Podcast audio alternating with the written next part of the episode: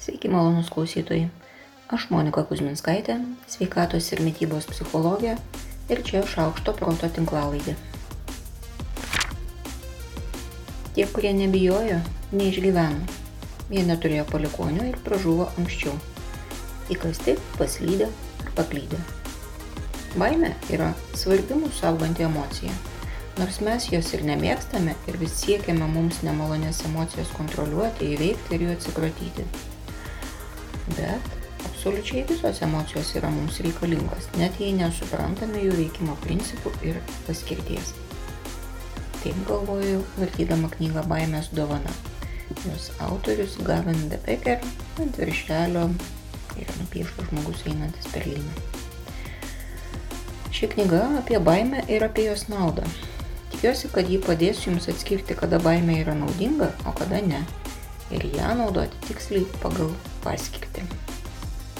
Gavin Deveker, knyga Baimės dovana, nuo smurto saugantis išgyvenimo signalai.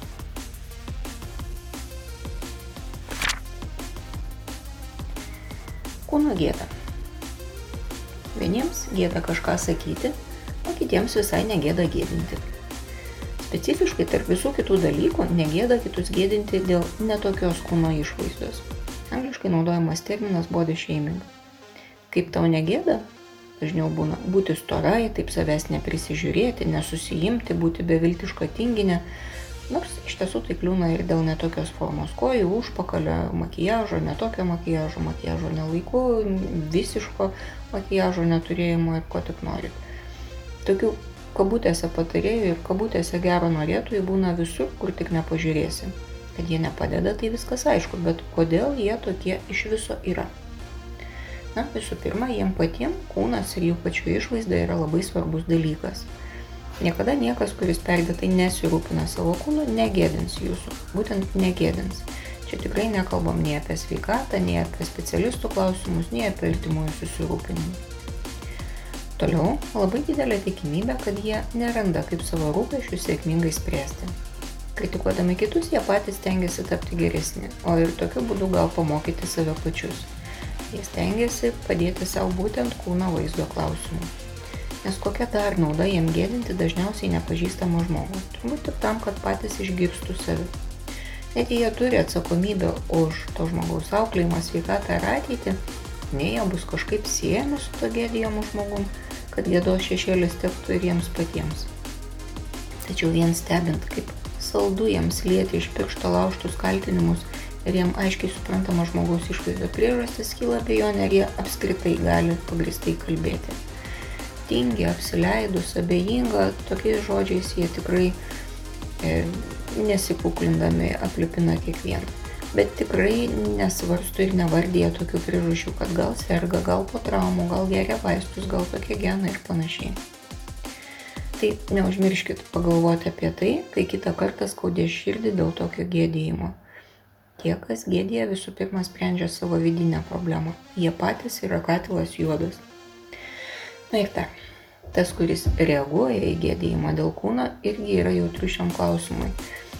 Ir tokie žmonės gali būti todėl, kad jie yra labiau atjaučiantis arba labiau užsidarę arba iš paprasto mandagumo nesmerkia kitų žmonių ir, ir todėl nestabdo jų agresyvaus elgesio.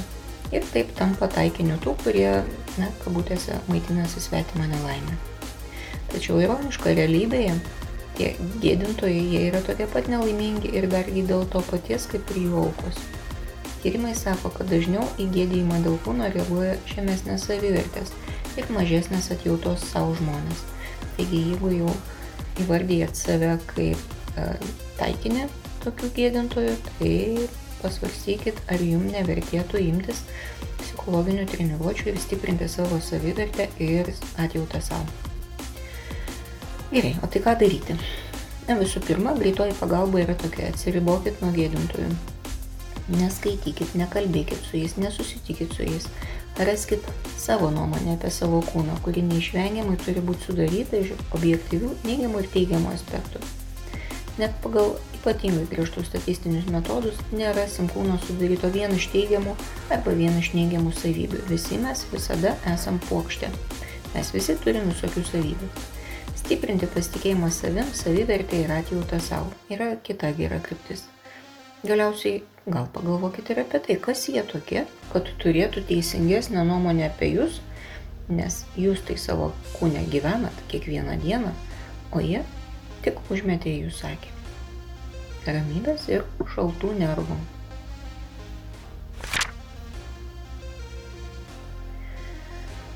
Ar dalyjatės savo maistu, na aišku, savo maisto nuotraukomis socialiniuose tinkluose? Ne tik tada, kai valgom super restoranuose, bet kasdien. Ar numanot, kodėl tai gera praktika? Nes tai iš tiesų gera praktika. Tai štai šis tyrimas mane labai netikėtai nudžiugino. Dalyjantis savo kasdienio maisto nuotraukomis, maisto suvartojimas ir autorių, tų, kurie nuotraukos pilyje, nuotraukomis dalyjasi ir tų, kurie žiūri, žiūrovų grupėse nežymiai padidėjo. Sakytumėm, čia kaip ir neigiamas poveikis, bet jis buvo nereikšmingas, tiesiog buvo pastebėta tokia kryptis. Bet autorių tarpe dalymas nuotraukomis padėjo pakeisti mytybą į sveikesnę, sustiprino tikėjimą savo veiksmingumu ir ryštą siekti tikslo. Noriu tarsi kaip pabrėžti, kad daugiau naudos gauna tie, kurie skelbia, negu kurie žiūri būtent su tokia mintim aš ir atidariau šaukšto proto Facebook paskyroje grupę Šiandien valgiau už taiką. Nujausdama, o dabar ir gavus patvirtimą, kad būtent tai yra teisinga. Grupė Šiandien valgiau už taiką yra skirta tam, kad galėtumėm pasidalinti tuo, ką šiandien valgėm. Labai raginu ateiti čia dalintis tuo, ką valgote, nežiūrėti, ką kiti valgo, o būtent dalintis, todėl kad būtent tai yra naudinga veikla. Tai tikrai ne patarimų, ne kritikos, ne mokymų grupė, o erdvė, kurioje galite dalinti savo maisto nuotraukomis ir gauti visą iš šio veiksmo įmanomą naudą. Na, o aš turbūt skirsiu savo sekundę pasidžiaugimo ir citatai kartais gerai būti teisiu.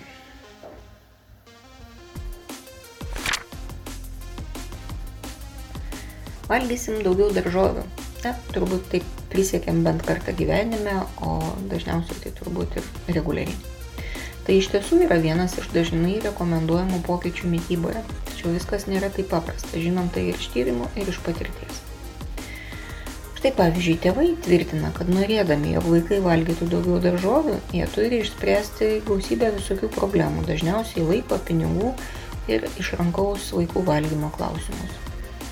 E, tačiau tėvai turi jau nusistovėjusias strategijas, jie bando tiekti didesnės porcijas, gaminti įvairesnį maistą, tiekti daržovės pirmiau už kitą maistą, užtikrinti, kad daržovė bus siūloma dažnai, net valgymą paverčia žaidimu ar kitaip jutimus žadinančią veiklą.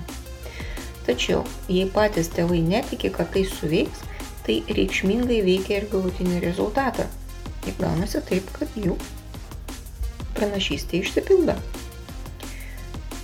Šioje vietoje tyrėjai siūlo tėvam kreipti daug dėmesio, gerokai daugiau dėmesio į pasitikėjimą tuo, jog strategija veikia. Strategija nėra akimirksnių veikiantis mygtukas. Jeigu vieną kartą pabandėt ir nesuveikia, tai nereiškia, kad ji ir neveikia. Tai procesas, kuriam reikia laiko. Taip pat labai verta kreipti dėmesį į savo lūkesčių valdymą. Tai galiausiai tikrai išsispręs, tačiau tai užtruks. Būtent tokį lūkestį reikėtų turėti o daugiau džiaugtis ir tuo, kad įvyko bent mažas pokytis, nes net ir mažas pokytis vis tik yra visų pirma pokytis. Probleminis interneto vartojimas yra viena iš aktyviai tyriamų būklių, nes jis sukelia gana rimtų pasiekmių psichiniai sveikatai. Spėjama, kad probleminis interneto vartojimas gali būti depresijos ir nerimo simptomų priežastimi, bet taip pat ir jų pasiekme. Ir viena ir į kitą pusę ryšys egzistuoja. Šiam tyrimė nustatyta, kad probleminio interneto vartojimo pasižyminti grupė buvo labai panaši į stipriais nerimo ir depresijos simptomais pasireiškiančią žmonių grupę. Tyrėjai spėja, kad probleminis interneto vartojimas gali veikti kaip emocinės problemas maskuojantis veiksnys. Todėl ir turėtų būti vertinamas kaip padedantis nustatyti emocinės problemas. Mano burbulė šis veiksmas paskutiniu metu ypač dažnai kartojasi. Tai galvoju, dar vienas pakartojimas tikrai nepakenks. Labai daug gerų tikslų miršta vos pradėti. Ir miršta tik todėl, kad užsibrieštas tikslas per didelis. o pirma nesėkmė laikoma ženklu, kad nepavyks viskas. Visi didingi darbai prasideda nuo mažų žingsnių. Maža to ypatingai svarbu, kad pirmie žingsniai iš tiesų būtų maži, kitaip visa kelionė gali žlugti. Net nepradėsiu cituoti visų patarlių, kurias per amžius patys savo kartojam, tik matyt negirdim iki galo. Todėl imkite bet kurį tikslą, kurį suplanavote per šventes ir kuris jau pradeda dulkėti kampe nejudinamas ir pabandykime jį atgaivinti. Šis eksperimentas gali būti naudingas žmonėms, kurie kelia savo tikslus, bet jų nepasiekia. Maža to, galvoja, kad tai kažkokiu būdu reiškia, jog jie yra nevykėliai. Klaidingas įsitikinimas, kuris palaiko tokį elgesį, gali skambėti kaip tokia mintis. Tai ne man, arba man niekada nepavyks, arba aš nuolat pergliūnu. O eksperimentas yra toks. Užsirašykit savo tikslą ant popieriaus ar ekrane. Padalinkite jį į bent penkis žingsnius. Jei tikslas nesidalyja, na, pavyzdžiui, užsirašėt pasistengti sveikiau valgyti. Pataisykit tikslo formuluotę taip, kad ji būtų matuojama ir dalyjama. Tęsiant pavyzdį, rašykit taip, kasdien tris kartus per dieną valgyti sveiką maistą. Kiekvieną iš penkių dalių padalinkite dar, jį dalysi dar ir dar kartą, tol kol liks pats mažiausias įmanomas žingsnis. Tarkim, iš tikslo darysiu mankštą kiekvieną rytą bent po 15 minučių, liks tik vienas pritupimas. Darykite tai ne galvoje, o ekrane ar ant popieriaus. Jūs turit matyti iš šono, kaip jūsų tikslai skaidosi. Tai ir yra jūsų mažiausias žingsnis. Nuo jo ir pradėkite. Dabar. Jei galite padaryti dabar, tai ir padarykite. Viskas, jūsų kelionė prasidėjo. Galit padaryti dar vieną, padaryti dar vieną. Dienos žingsnis baigtas, nereikia persistengti.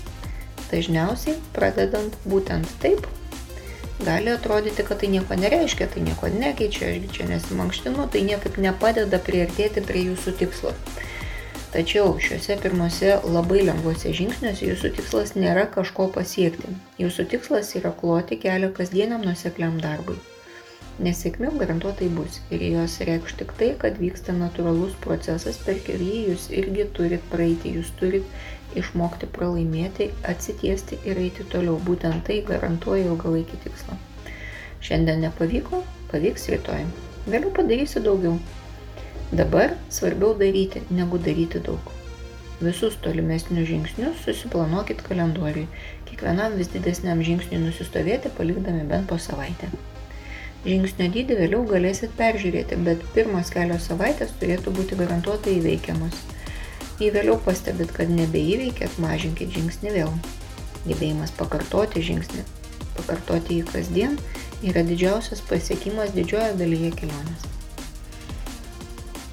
Pats elgesio eksperimentas yra viena iš dažnai naudojamų technikų kognityvinė elgesio terapija. Eksperimentas yra skirtas patikrinti įsitikinimo teisingumui.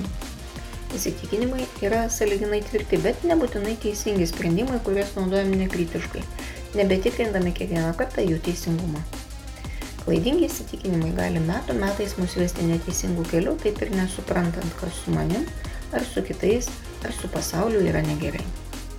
Eksperimentas leidžia atpažinti klaidas įsitikinime, o stovint akistatoje su nauja informacija, jį pataisyti ir perkonstruoti iš naujo. Jei patys įmatės tokių eksperimentų, pasidalinkit prašau komentaruose savo patirtim, bus labai įdomu ir labai naudinga visiems kitiems. Kągi, šiai savaitė tiek. Aš Monika Kuzminskaitė, sveikatos ir mytybos psichologė, padedu spręsti kasdienius ir sudėtingus elgesio, mąstymo ir emocijų klausimus. Rašau, skaitau paskaitas, teikiu psichologinės konsultacijas. Mane rasit socialiniuose tinkluose vardu Šaukštas Proto. Rašykit man asmenį žinutę ten arba elektroniniu paštu adresu šaukštas.proto atgmail.com. Taikos ir ramybės.